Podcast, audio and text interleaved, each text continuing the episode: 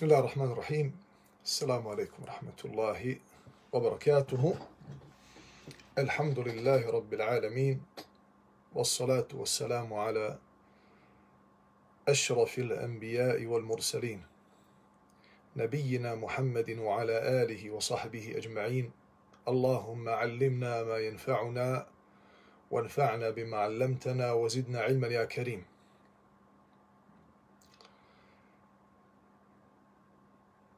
Selam vas od srca. Nadam se uz Allahu pomoć da će biti koristi za sve nas od ovoga obraćanja koji, koje inša Allah ta'ala je već e, ovako radimo već e, od početka pandemije pa smo pauzirali u Ramazanu. Evo ponovo se sada e, vraćamo. Opet je online. Još su mjere E, mjere opreza na snazi, tako da ne možemo uživo se sastat kao što smo to prije radili. To mi je pravo, onaj, fali mi to, fali mi ta omladina s kojom sjedim, onaj, popričam, otvorimo knjigu, slušamo hadise Allahu poslanika, ali salatu selam, i uživamo u, u, u toj prelijepoj atmosferi e, tradicionalnog načina učenja znanja. Danas sam imao jednu, ajde samo ću podijeliti to onaj prije nego što, što počnemo sa predavanjem. Malo ćemo danas ubaciti nešto na samom početku, nešto što, što do sada nismo. Ona, jer sam danas imao jednu kahvu sa eh, jednim prijateljem kojeg plaho cijenim sa uh, mojim Kenanom, koji me uvijek kad god sjednemo, onaj, ovako uh, prijatno, me, prijatno me osvježi sa nekim informacijama, sa nekim istorijskim onaj, činjenicama, podacima, sa našom kulturom, našom tradicijom, pa ovako razmijenimo neka mišljenja, prelijepo nam uvijek bude, onaj, bude kahva baš baš onako onaj puna, puna pozitive. I danas mi je pripremio, to smo već onaj jedno dva mjeseca možda onako uz prepisku na porukama dogovarali, pripremio mi je danas e, imena neke od, naši, neke od naših učenjaka s ovih prostora bošnjaka koji su e, koji su kasnije školovanjem i poslom živjeli po islamskom svijetu, a većinom su bili svi po Damasku. Bili su u Damasku. Damask je za mene onaj, e, jedno, jedan poseban period mog života kojem sam boravio tokom školovanja. Prelijep jedan grad, pun historije, pun tradicije, pun znanja, e, Pa ću vam ako ovo dana, prije nego što počnemo sa hadisima, onaj, pročitat ću vam ovaj list koji mi on onaj, oštampao i neke podatke koje smatram da će vas da će vas baš ono u pozitivnom smislu onaj, ovako osvježiti da vidite kako smo mi u Lemu imali s ovih prostora. Fadlullah Efendija, Bošnjak, rođen 561. godine bio je profesor na Gazi Husre Begovoj medresi. Znajući da Gazi Husre Begova medresa u Sarajevu već pet vijekova, pet stotina godina radi neprestano. Izvodi generacije, Efendija, Uleme, koji većinom na kraju ili budu E, efendije u džamijama ili muderisi, profesori, nastavnici i vjerski službenici. Nakon, e, nakon toga, nakon što je bio e, profesor, bio je i sarajevski muftija jedno određeno vrijeme. Predavao je na Gazi Mehmed Pašinoj medresi u Beogradu.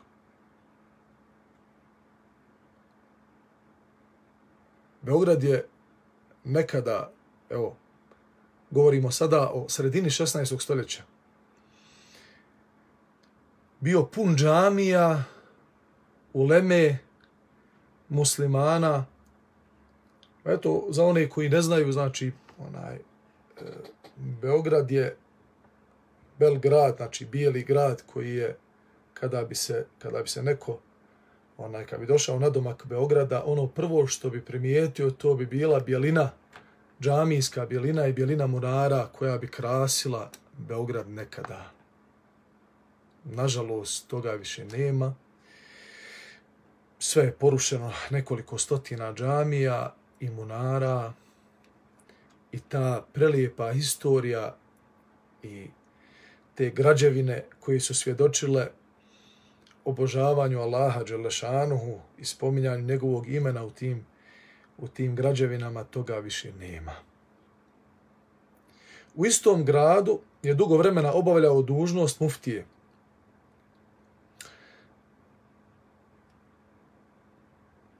Kasnije ide za Damask i u Damasku u Damasku je predavao racionalne i tradicionalne nauke u školama. Napravio je džamiju u Damasku. Znači, ovaj bošnjak Fadlullah ne samo da je bio muderis, da je bio alim koji je ljude podučavao vjeri, nego je pored toga bio vakif koji je ostavio džamiju iza, iza sebe i, za, i, onaj, i i čak je jedan od vakufa, znači u vakufio u Damasku kako bi muslimanima bilo od koristi. Umro je u Damasku 1629. godine.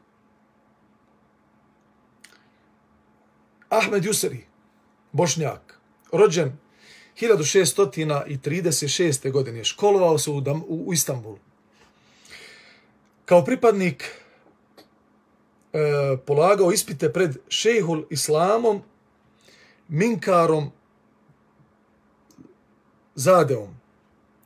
I u 20. pogledajte, to, pogledajte ovo kako je, onaj, kako je interesantno. I u 20. godini svoga života, 20 godina, to je omladinac, onaj što bi kod nas rekli sad, dijete od 20 godina, dijete od 20 godina, imenovan za profesora na Hasan Pašnoj medresi u Istanbulu predavao je na više istambulskih medresa, škola. Bio poznat kao izvaredan pedagog. Godine 1688. imenovan za kadiju. I znači njegov, njegov život je bio protkan također boravkom u Damasku. Odličan poznavalac arapskog, perzijskog i turskog jezika.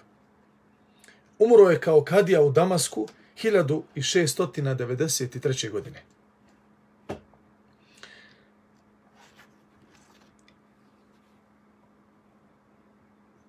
Evo, pogledajmo samo dva, dva primjera, dvije kratke biografije. Dva bošnjaka koji su, znači, svojim djelovanjem, svojim znanjem, e, svojim autoritetom i, i, i i onome što su naučili. Pogledajte kako su bili od hajra gdje god bi došli. I takav je musliman, kao što ga e, Allahov poslanik alaihi salatu wasalam opisuje, da je musliman poput plodne kiše. Gdje god plodna kiša padne, ima od nje hajra. Ili se zalije od nje bašta, ona koju su ljudi posijali, ili ta voda se sakupi u zemlji, pa izvire negdje, negdje izvire izvor pa ljudi, životine se poje tom vodom ili osvježi, osvježi znači ljude, osvježi ljude nakon, nakon suše ili nakon toplih dana i noći. Imamo ovdje također e, Muhammeda Šemsa, Šemsuddina, sina Ahmeda Al-Hallabija Ad-Dimeški. E, dobio je nadimak Bošnjak je porijeklom, ali je dobio nadimak Dimeški, to jest onaj da je, da je iz Damaska. To je jedna počast. To je jedna počast koja se može kao privilegija e, dati uz, kao nadimak svakom onome koji je studirao. Evo ja, onaj, lično ću govoriti sada onaj, u ime Damaska, znači tog jednog prelijepog e, grada, jednog od centara islamskog znanja, kulture, civilizacije, odgoja, Korana i sunneta, e, da svak onaj ko je studirao tamo i ko je onaj provodio svoje vrijeme, ostavio dio svoga života i naučio tu kulturu tog naroda, naučio arapski jezik, družio se sa ulemom, da on automatski postaje dimišćanin. A jedan od najljepših e, šehada, najljepših svjedočanstava da si ti dimeški ili da si ti medeni, znači da si iz Medine, da si, ne znam, nija iz Kaira i tako dalje, jeste da stanovnici tog grada ti kažu ti si jedan od nas. I to se nerijetko znalo desiti našim studentima koji su studirali u Damasku, da im stanovnici tog grada kažu mašallah kako lijepo pričaš arapski, mašallah kako si onaj fin musliman, kako si fino odgojen i kako poštuješ ulemu i kako dolaziš onaj na naše namaze i družiš se sa nama, da si ti poput, znači poput nas, da si jedan od nas. I to je, to je prelijepo sve, onaj svjeročanstvo i, i šehada koja su, koje su nerijetko dobijali naši studenti koji su bili vrijedni tokom svojih studija. Kaže za ovoga Mohamed Šepsudina, porijeklom je Bošnjak. Posebno je bio poznat kao vrsni poznavalac islamskog prava u hanefijskom mezhebu. Znači, poznavao je sve fetve od imama Ebu Hanife. Pored šerijatskog prava, izučavao je, izučavao je isto, isto izučavao i bio je veliki e, poznavalac oblasti tefsira, hadisa, logike, retorike i stilistike.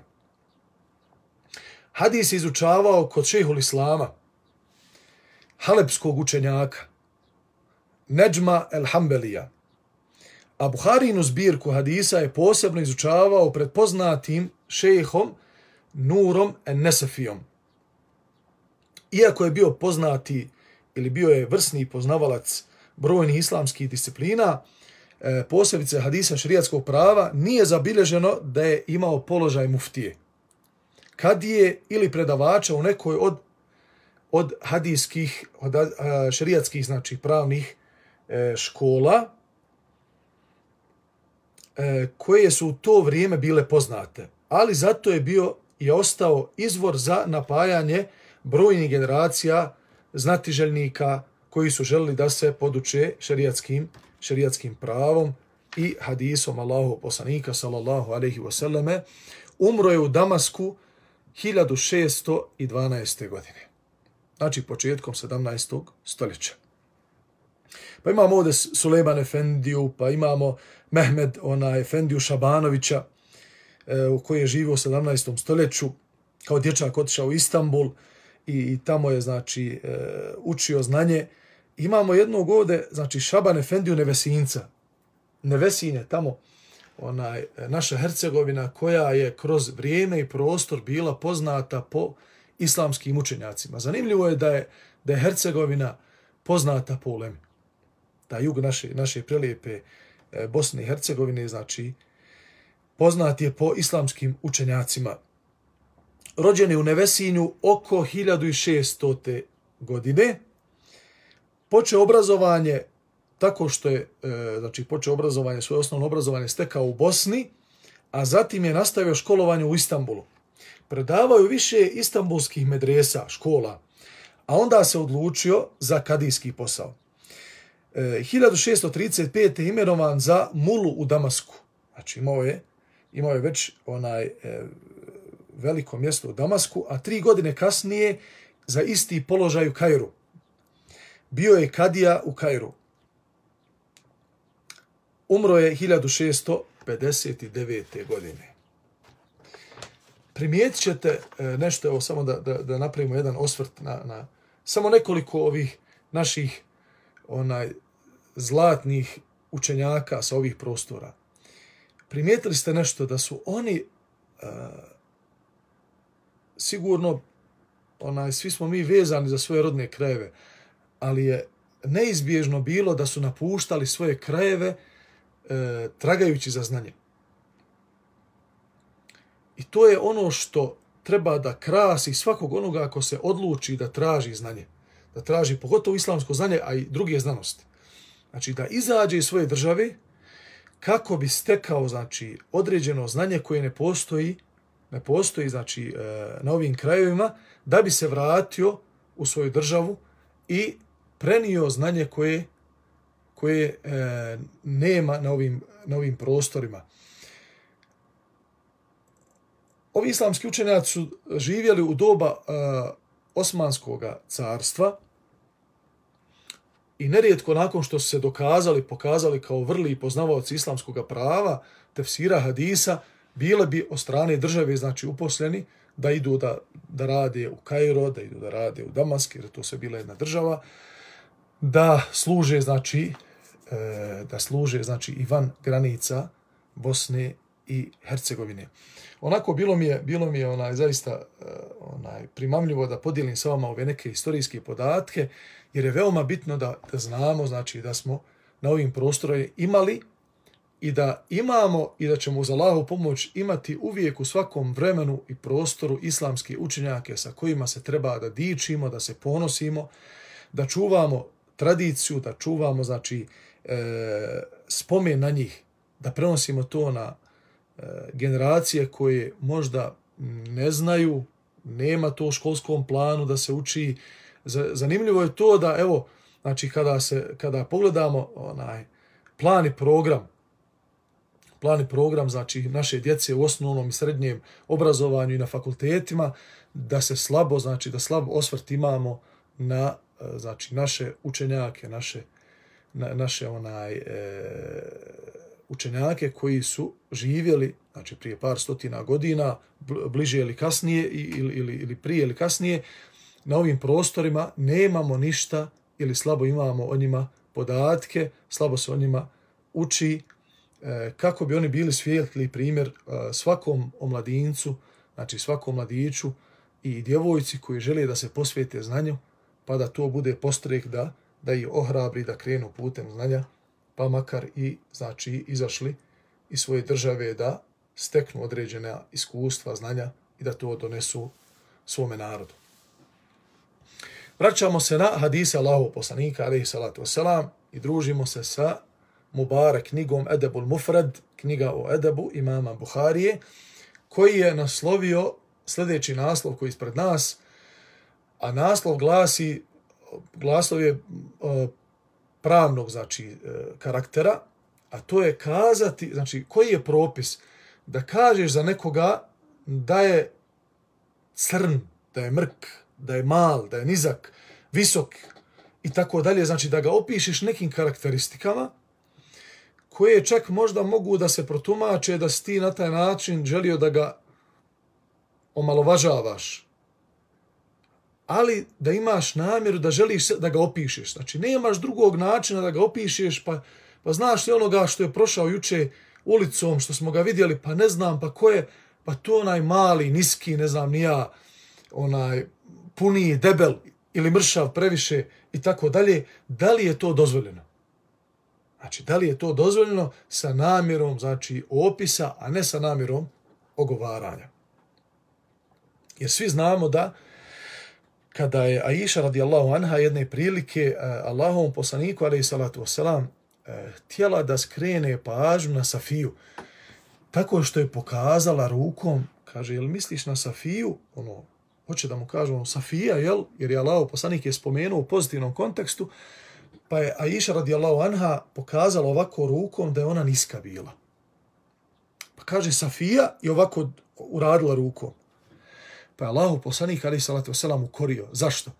Jer je Allahu poslanik iz eh, konteksta onoga, onog dijaloga između njega i njegove supruge Aisha radijallahu anha, shvatio da ona na taj način želi da je malo ono kao da je ogovori.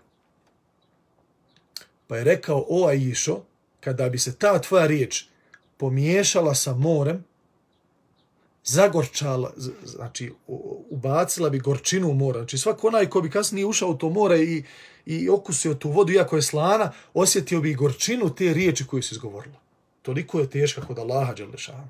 Međutim, imamo pred nama hadis od Ebu Rohma, E, to je jedan od ashaba koji je dao prisegu Allahovom poslaniku, ali salatu wasalam, na, vrije, na vjernost ispod drveta. Bilo je 1500 ashaba koji su na domak Mekke došli sa Allahovim poslanikom, ali salatu wasalam, u želi da obiću Bejtullah, u želi da učine e, umru, pa su i Mekelije, Mekelije su ispriječile u tome. Spriječili su u tome, rekli su im, ne možete ući, vi ste stanovnici Medine, izbjegli ste iz Mekke, nema vama prolaza do, do, do, do Bejtul Harama, pa, pa je Allah poslanik, ali salatu wasalam, poslao svoga dvostrukog zeta. Trećeg halifu muslimana, Osmana ibn Afana, radijallahu anhu, da pregovara sa mušricima Mekke, jer je imao velik ugled kod njih. Pa se je pročulo da su ubili Osmana radijallahu anhu, a to je bila lažna vijest. I često ćete vidjeti, ovo, uzmite ovo kao iskustvo, da, da baš ovo moment sada skrenemo pažu in turbulentnim onaj, vremenima, nalazimo se zaista u turbulentnim vremenima. Kada god su turbulentna vremena i kad god su opipljive, kad je god nešto opipljivo, kada god eh, onaj se desi nešto što uzburka javnost, kada vam dolaze vijesti u tim turbulentnim vremenima, provjerite ih dobro, često budu lažne. Jer uvijek ćete naći ljude, uvijek postoje ljudi koji žele iz te turbulencije da ili svoje lične koristi, svoje lične koristi, ili svog nekakvog hira, želevši da, želevši, znači, da unesu nemir i nered među muslimane, u muslimansku zajednicu, među, među ljude, u državi, u narodu, znači žele da ubaci lažne vijesti kako bi kako bi uh, dodali ulje na vatru. Znači, provjeravajte vijesti. Nemojte da vam bude mrsko.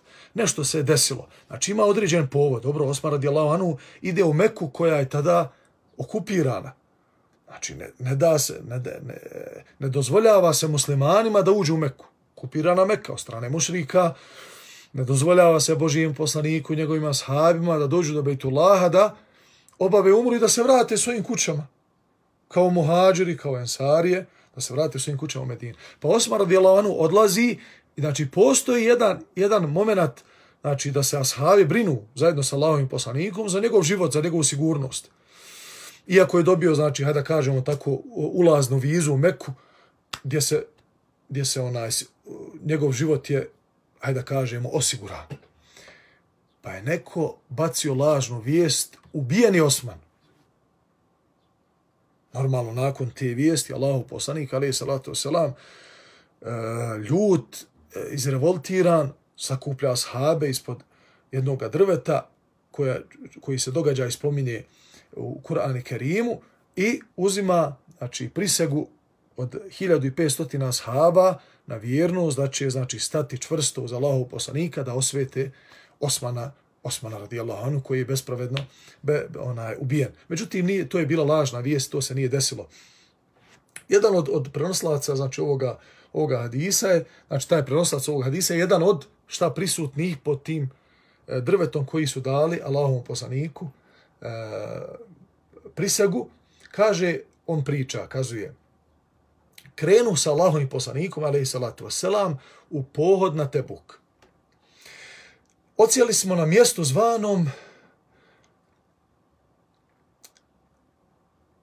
El Hadr. Dok smo putovali, osjećali smo kako nas obuzima drijemež.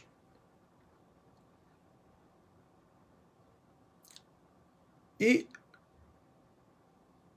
e, znali su, znači, E, znali su, znači, dok, dok su jahali na svojim jahalicama, znali su onaj da, e, da predahnu. Da predahnu, znači, jahalca ide pravo, ona ide u karavani i ti možeš malo i odspavat na svoj jahalici. Znači, zatvoriš oči i, i, i odspavaš dok, dok jahalca ide pustinom, dok ide karavanom, ona je upravila i oni su znali.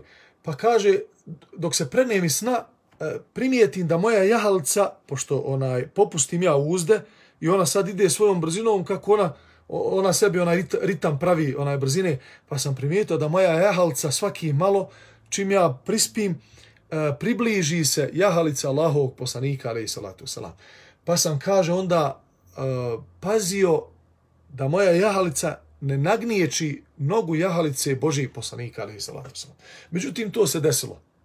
U jednom prilike sam, kaže, ono, san me prevario, pa je moja jahalica požurla i nagazla je e, nogu jahalice Allahov poslanika, pa je Allahov poslanik, ali i salatu wasalam, onaj povikao, ah! I onda se ovaj ashab probudio i ono trznuo se, znači, ne, odmah drijemež otišla od njega, pa je rekao, Allahov poslaniće, zamoli Allaha da mi oprosti.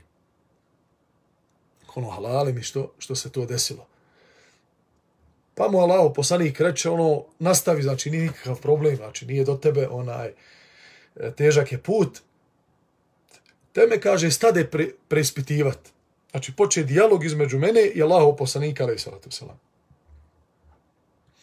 Za one ljude koji nisu krenuli na pohod iz plemena Benu Gifar, Allaho poslanik ide na bitku i, i, i razmišlja zašto nije ovaj otišao na bitku, zašto nije ovo pleme se priključilo, pa šta se je desilo, pa dobro onaj, ako nisu mogli oni onaj iz nekih razloga da idu, pa što nisu makar opremili par onaj e, par vojnika da mogu oni da krenu iz drugog nekog plemena i tako dalje.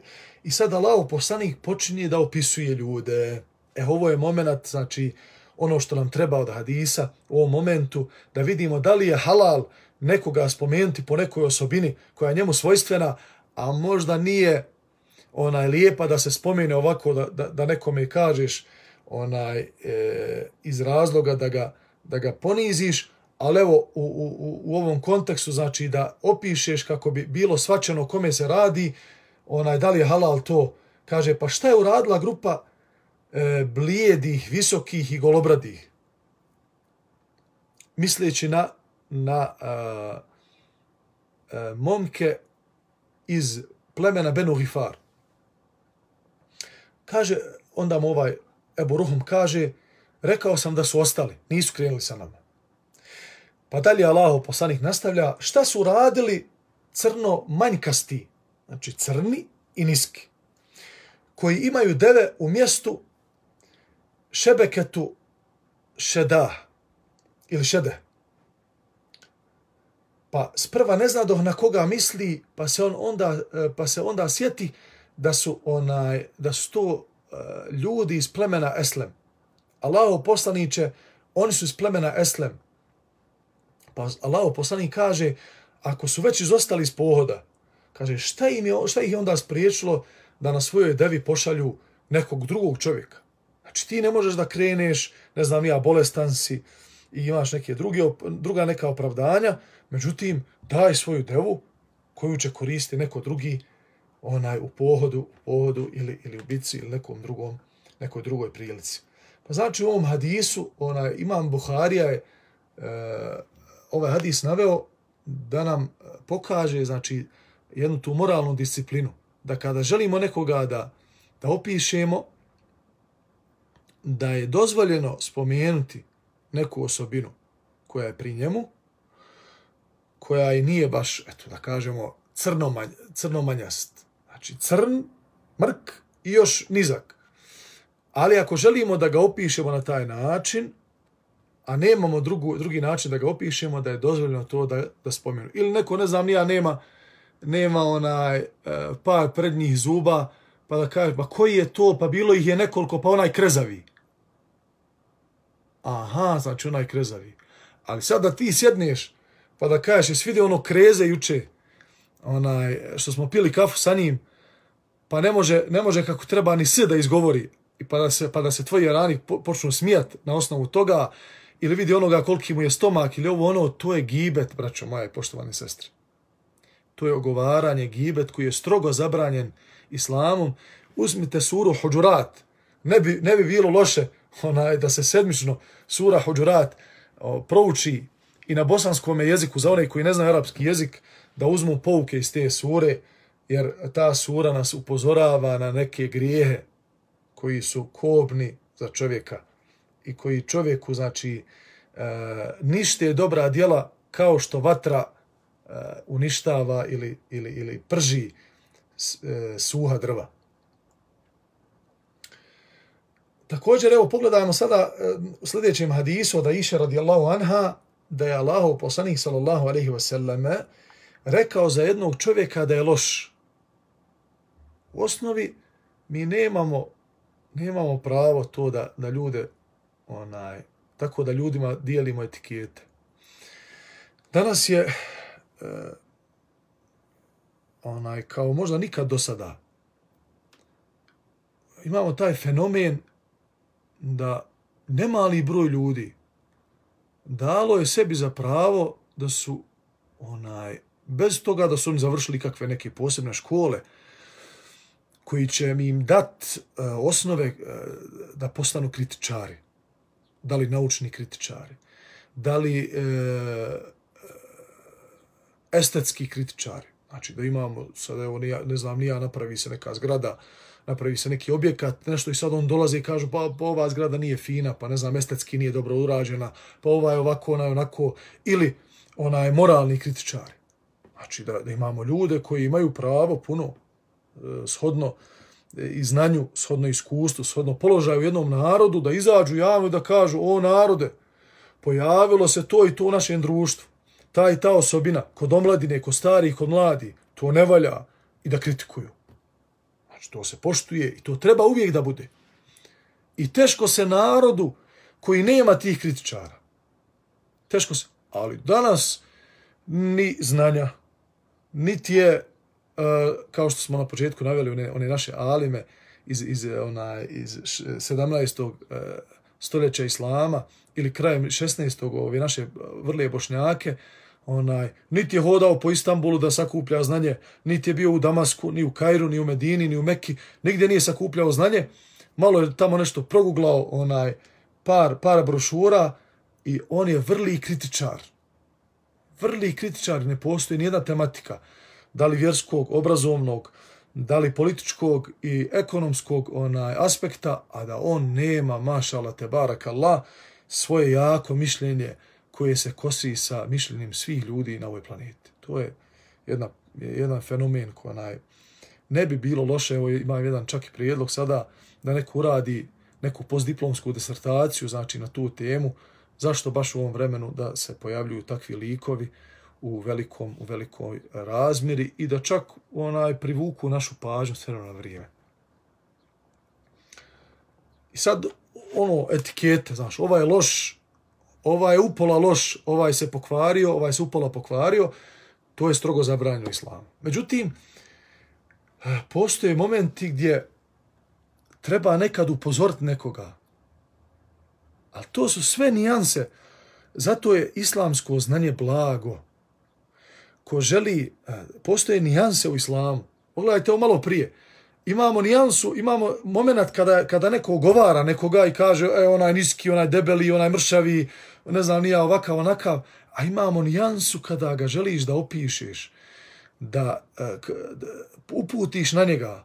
Evo, onaj ti je vrsni inženjer, onaj je vrsni, ne znam, nija e, profesionalni vozač, ovaj profesionalni onaj e, profije za, za, za softvere, za, za, za kompjutere, Pa ko je? Pa ne znam, ma ona je bola niski, mali, onaj, znaš, onaj, malo stomačić ima. A, znam, vidio sam ga u... To nije ogovaranje. Tako i ovde, nekada ćeš biti onaj u, u prilici da nekog upozoriš na osobu koja je loša, lošeg morala, lošeg uh, ahlaka, eh, ima sum, sumljiv dosije, bavi se raznim radnjama. I ti vidiš nekog omladinca, neku djevojku, onaj sa tom osobom. Upozori ga, le, reci da je to loša osoba. Ako imaš jasne dokaze za to. To nije ogovaranje. A, tu se sad ono, ko, ko aman se tu plašimo ogovaranja, pa eto ne bi ja sad tebi ništa loše... Pa, brate moj, reci mi. Ili pogotovo ako se radi, znači, o, o budućem braku, ulazi se u brak sa, sa, sa nekom osobom, pa kaže, čuo sam, da se o meni loše govorilo. Pa, brate moj, ako si imao pri sebi loših osobina i neko upitan za tebe kao budućeg zeta i neko te spomenuo po lošem jer ti zaista imao neke te loše osobine pri sebi, ona, nemoj se ljuti što te neko, što te neko onaj, e, opisao na taj način.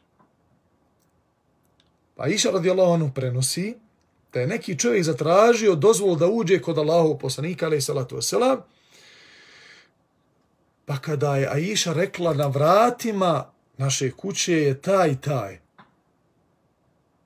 kaže Allaho poslanik, loš li on čovjek? Pa mu je pustio da uđe. Znači, dozvolio mu je da uđe i onda je sjeo sa Allahovim poslanikom i Allahov poslanik je ipak lijepo sa njim postupao. Pa je to malo Aisha radijallahu anha začudilo. Onaj, kažeš da je loš čovjek, ali ipak sa njim lijepo postupaš. Nije to ni pretvaranje, niti je to strah od nekoga, ni, ni, ni ulizivanje. Kaže, pa sam mu to spomenula. A on reče, kaže, e, u jednom rivajetu je rekao Allahu poslanik alaih salatu selam, koji nije imam Buhari ovdje naveo, kaže da nas Allah sačuva njegovog zla.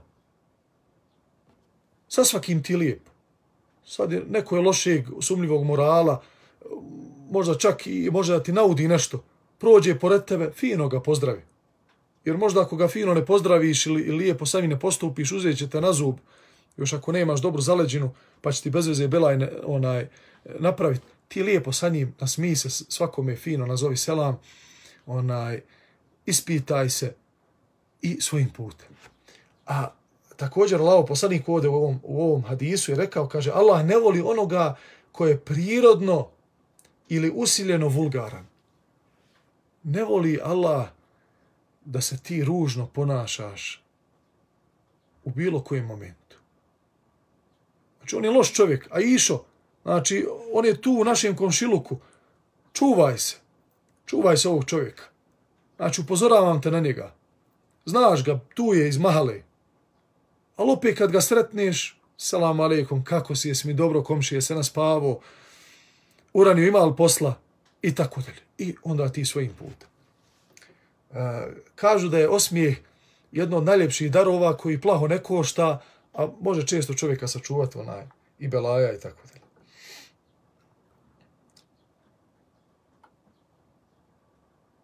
Aha.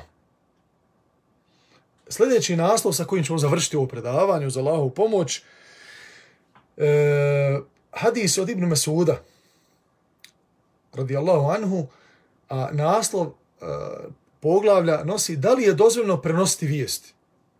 Uh, ovo je. Da li je dozvoljeno prenositi vijesti? Pa ima li danas ikoga da ne prenosi vijesti? Pa svi smo Sky News. ne treba nam ni novinarstvo, ne treba nam ni mediji, ni ništa. Znači, samo pustimo ljude oko nas i vidjet ćemo da svi prenose vijesti. Ali eto, nahajra, ko boda, onaj, nadam se da će nam ovo, o, ova predaja koristiti u životu. Ibn Mesud priča, nakon što Allah poslanik alaihi salatu wasalam podijelio ratni plijen na Huneinu, bitka na Huneinu, poznata bitka nakon što je oslobođena Mekka i nakon što su muslimani ponovo mogli da, da vide Bejtullah i da tavafe oko Bejtullaha, bitka na Huneinu je bila jedna od presudnih bitki onaj, e, u islamu, kaže na mjestu koje se zvalo El Džirane, oko njega se okupiše ljudi. Pa on reče, Allah je poslao jednog svog roba narodu koji mu je, ne povjerovavši u njega, razbio glavu. Na koga je mislio Allah, poslanik alaihi salatu wasalam? Mislio na samoga sebe. Na samoga sebe kao Resulaha, kao Resulullaha, kojem su njegov narod razbili glavu, rasjekli mu, znači, arkadu na bici na Uhudu. Krvario Allahu poslanik, alaih salatu wasalam, na toj bici i načet mu je e, prednji se kutić, pola mu je razvijen, prednji se kutić od silnog, od silnog, od silnih udaraca i, i zadobijenih, znači udaraca koje je dobio tokom bitke na, na Uhudu.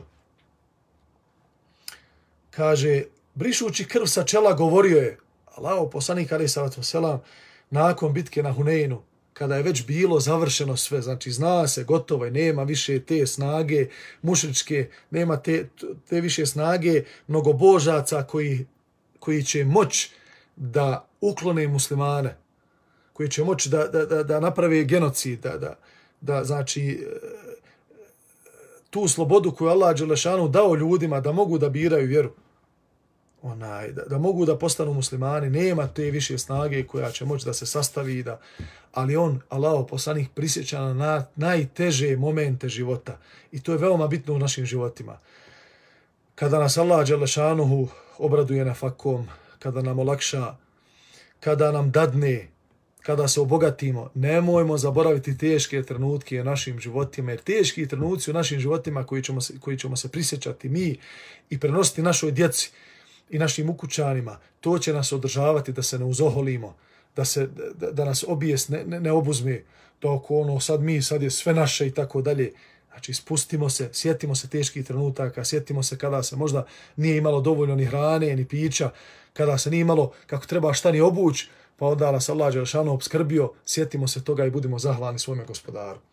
Kaže, pa je brišući krv sa čela, taj rob, Allahov poslanik o se priča, govorio je gospodar, oprosti mome narod. Pogledajmo milost Allahov poslanika. Oma arsallake illa rahmetan lil alamin. Jer oni ne znaju. Allahumma gfirli li qavmi fa innahum la ja'lamun. Allahu moj oprosti mome narodu koji mi je rasjekao arkadu, koji mi je polomio zube, koji želi znači, svakim atomom svoje snage da me ubije, samo zbog toga što im ja govorim la ilaha illallah Muhammedu Rasulullah, oprosti mome narodu, jer moj narod ne zna, ne zna moj narod koje blago ima kod mene. Kada bi ga samo prihvatio, njihovi bio istok i zapad. Tako se je desilo. Tako se je desilo nakon oslobađanja Mekke, Mekelnije prihvataju islam, pa u istoj toj generaciji stižu, stižu na kapije Istambula i stižu na, na kapije na doma Kine kao civilizacija, kao narod, kao vjera i, i, i kao gazije. Kao da sad gledam u Allahov poslanika, ko govori? Ibn Mesud radijallahu. Priča Abdullah ibn Mesud kako pričajući o tom čovjeku briše svoje čelo.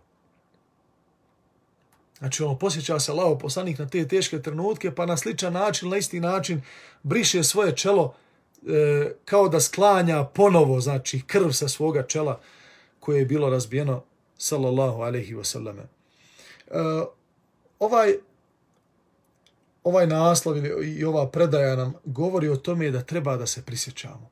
Sjedemo sa ahbabima, sjedemo sa svojom porodcom, sa svojom djecom. Prisjećajmo se na neke trenutke koji su bili ključni našim životima. Nemojmo zaboraviti na teške trenutke. Kaže, nemojmo se, ajde, kaže, nemoj da pričamo o teškim trenucima, nemoj da se vraćamo unazad, kaže, prizivamo na taj način onaj fukareštinu na sebe. Ma ne prizivaš ti ništa, brate moj, na sebe. Govor o tome. Ma kaže, nemoj da se prisjećamo smrti, haj kaže, pomjer se s mjesta. Onaj, nemoj da pričamo o smrti, kaže, umrijeće neko. Neće niko umrijeti ako se prisjećaš smrti. Neće niko siromaštva ako se prisjećaš siromaštva ako si bio siromaštvo. Neće niko, ne znam, nija, neće se nikome loše nešto desiti i danas neko ima saobraćaju nesreću ako se prisjetiš da te Allah sačuvao smrti da si imao jako saobraćenu nesreću, pa te Allah sačuvao, pa si ostao živ, a neko je preselio. Evo danas je došla vijest da je, da je jedan hajli čovjek, evo mnogi ga sportisti onaj spominju po hajru i moli Allaha za njega da mu se smiluje, da je preselio na motoru i da onaj da mu se Allah Đelešanu smiluje. Ja ga nisam lično znao, ali eto mnogi ljudi govore o njemu u hajru i, i dove za njega, pa i Allah Đelešanu molim da mu se smiluje i da dadne sabora njegovoj porodici. Onaj, život je moment može ti Allah dati dug život.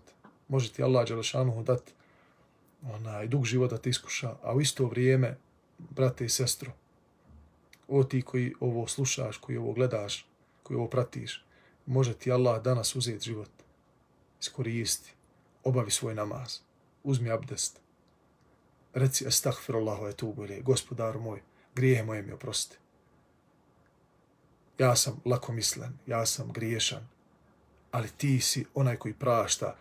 Ti si gospodar Al-Ghaffar, Al-Tawwab, Al-Rahim, Al-Rahman, Al-Jawad.